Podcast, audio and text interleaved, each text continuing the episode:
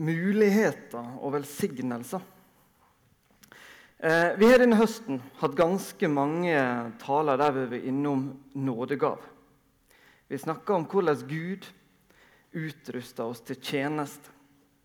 Hvordan det er en plass som er laga for akkurat deg og meg, der vi skal få lov til å tjene til det beste for oss sjøl, for de rundt oss og til glede for Gud.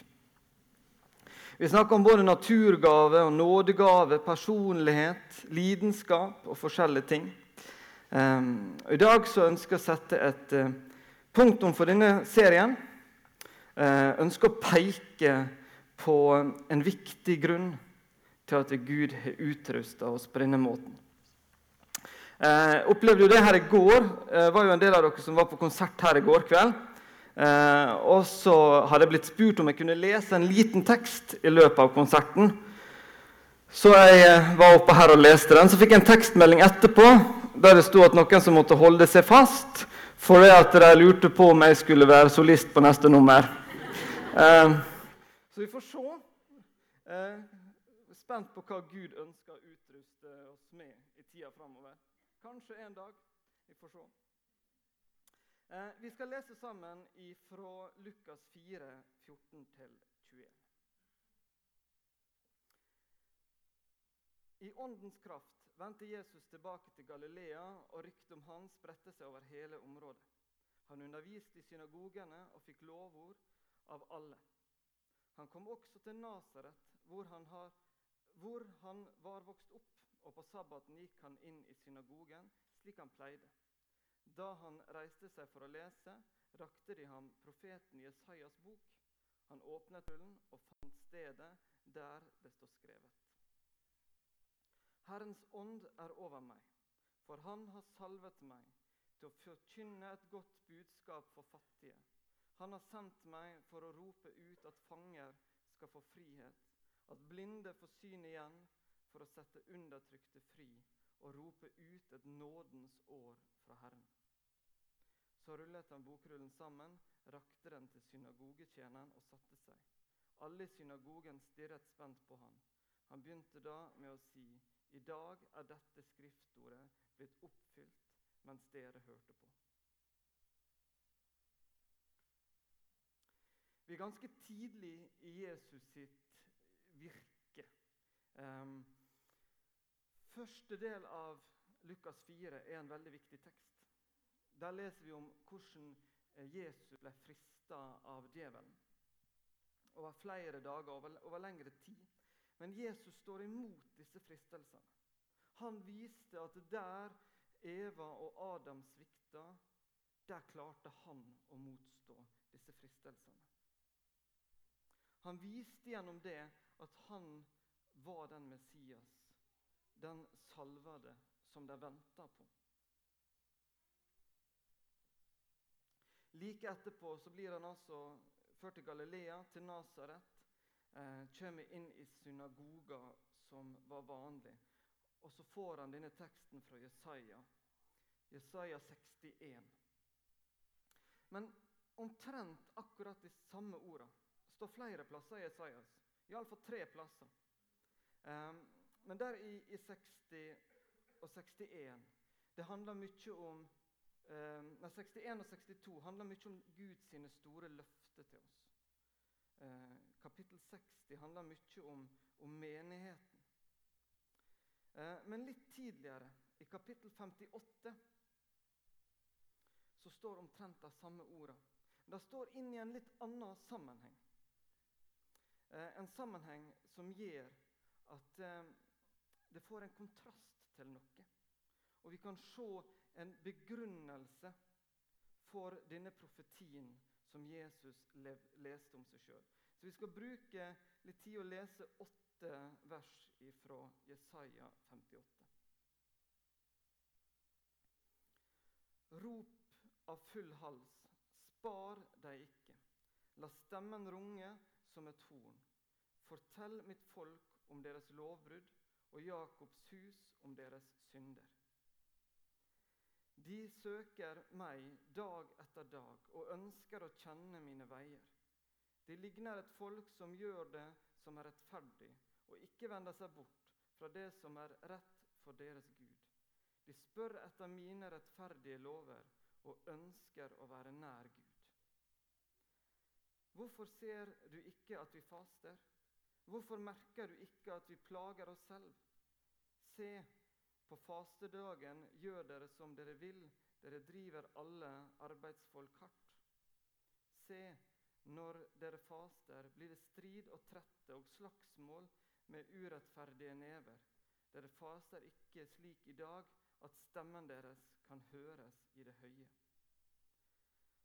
Er dette den fasten jeg har valgt, en dag da mennesker plager seg selv, bøyer hodet som et siv og legger seg i sekk og aske? Kaller du dette for faste og en dag etter Herrens vilje?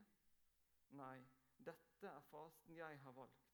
Å løse urettferdige lenker, sprenge båndene i åket, sette undertrykte fri og bryte hvert åk i stykker. Å dele, dele ditt brød med sultne og la hjelpeløse og hjemløse komme i hus.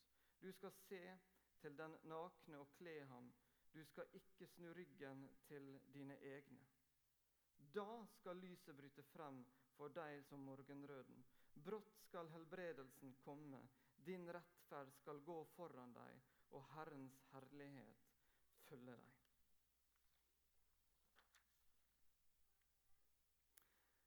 Jeg syns det er spennende å lese denne teksten.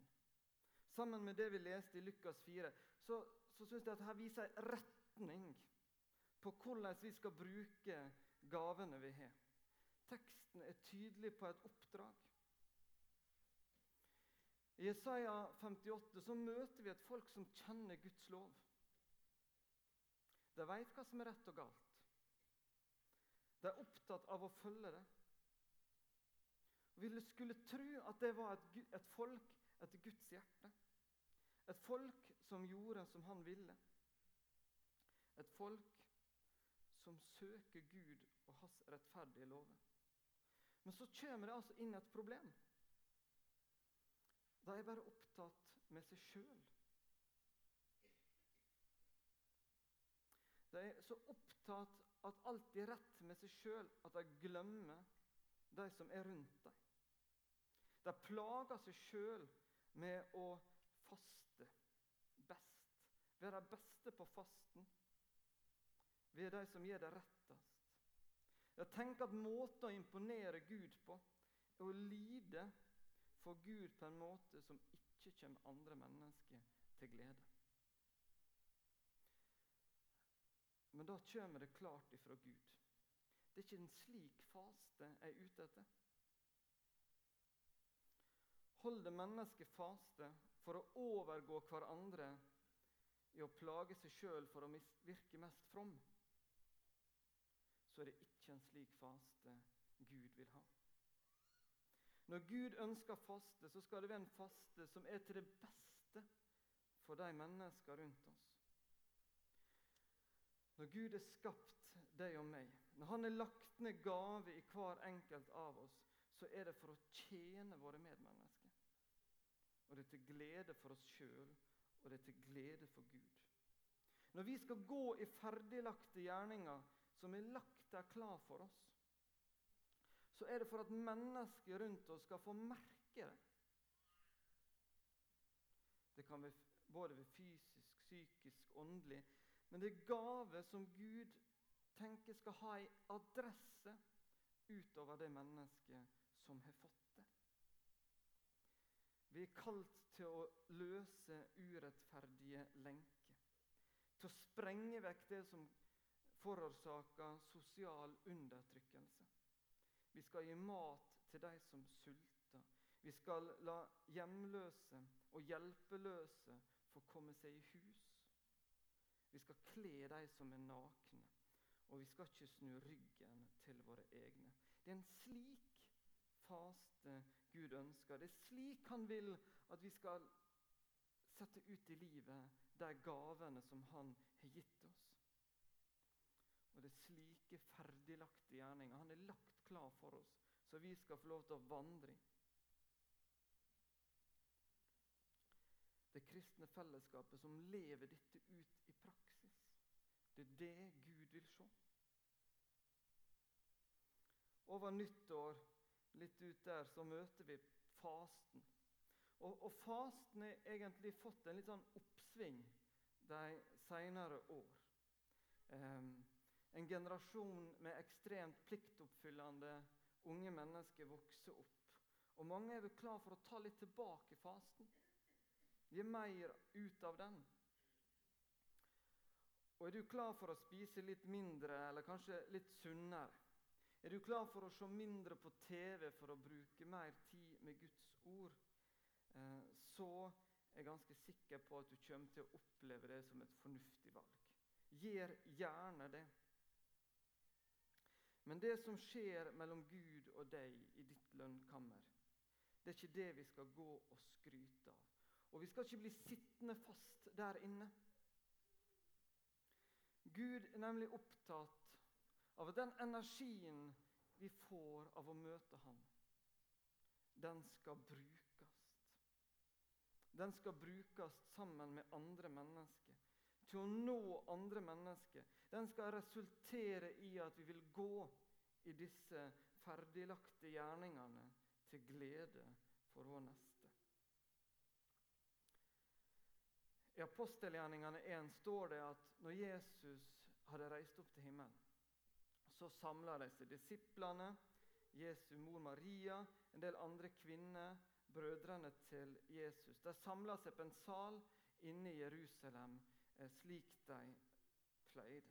Det sto at der var de samla og trufaste i bønn. Vi kan også lese andre plasser at de var redde. De låste seg inne. De hadde sett hva styresmaktene var i stand til å gjøre med mesteren deres. Og så var de spent på hva ville disse styresmaktene gjøre med dem. Men så skjer det noe på pinsedag. De mottar Den hellige ånd.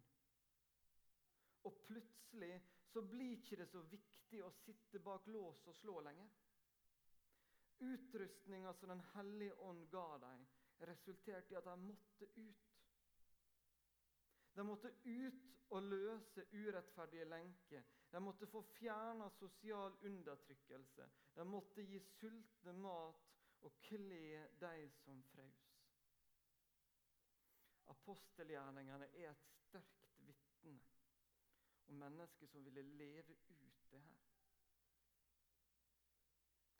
Som hadde innsamlingsaksjoner til folk som trengte det. At menighetene fungerte, at de som hadde i overflod, ga til de som ikke. Det er sterke vitnesbyrd å lese i apostelgjerningene om hvordan de gjorde dette her i praksis. I en annen tekst så spør noen døperen Johannes hvordan skal det vise på oss at vi tatt imot Jesus. Og Da sier han at det skal vise på dere ved at den som har to kjortler, han skal gi til den som ikke har. Og de som kanskje har vært vant til å true penger fra andre, må slutte med det. Det sosiale aspektet er veldig tydelig i denne teksten vår i dag og i mange andre tekster. Men så skal vi også legge merke til det siste verset av det vi leste. Jeg skal lese det en gang til. Da skal lyset bryte frem for deg som morgenrøden. Brått skal helbredelsen komme. Din rettferd skal gå foran deg, og Herrens herlighet følge etter deg.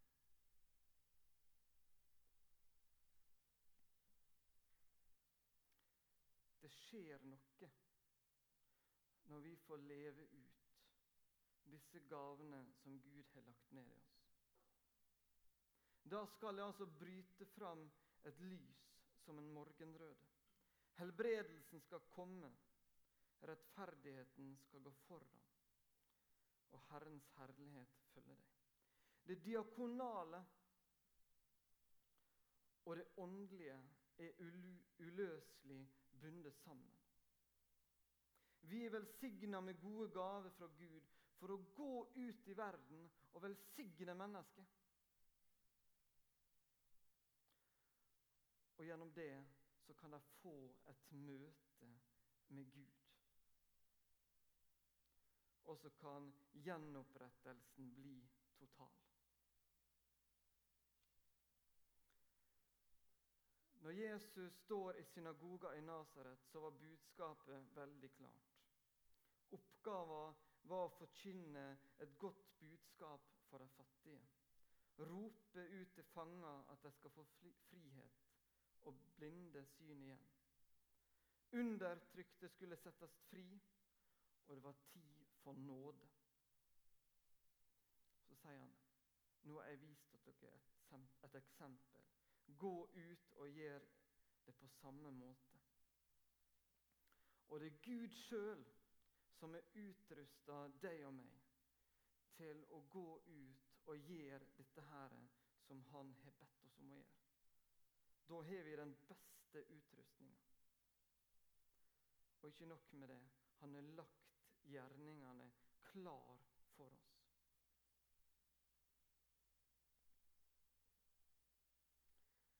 Så vi er til. Men hvorfor? Jo, for å tjene. Vi er velsigna. Hvorfor er vi det? Jo, for å velsigne.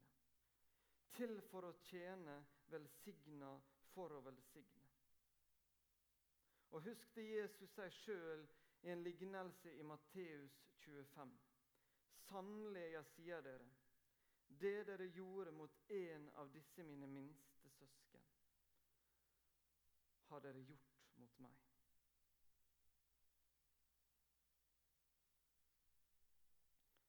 Tenk den muligheten å ha blitt utrusta til å hjelpe andre mennesker. Og Gjennom det at vi får hjelpe andre mennesker, så kan de få lov til å møte Gud. Oppleve å stå ansikt til ansikt med kongenes konge, herrenes herre, og ta imot Han som herre i sitt liv. Til for å tjene, velsigna for å velsigne. Kjære himmelske Far. Takk for tekstene du har vist oss i dag. Takk fordi at du var villig til å komme til vår jord. At du var villig til å ta på deg det oppdraget som det står om i Jesaja. Og så har du sagt at nå skal vi få lov til å føre dette videre. Jeg ber om at vi får lov til å kjenne på dette. At Din Hellige Ånd får lov til å gjøre noe med oss, slik at vi kjenner at vi har fått noe fra deg som vi skal gå ut i vår verden med. At vi skal få lov til å sette undertrykte fri. At vi skal få lov til å være med å fjerne sosial urettferdighet. Og at gjennom dette skal flere mennesker få lov til å møte deg og ta deg imot som sin frelse.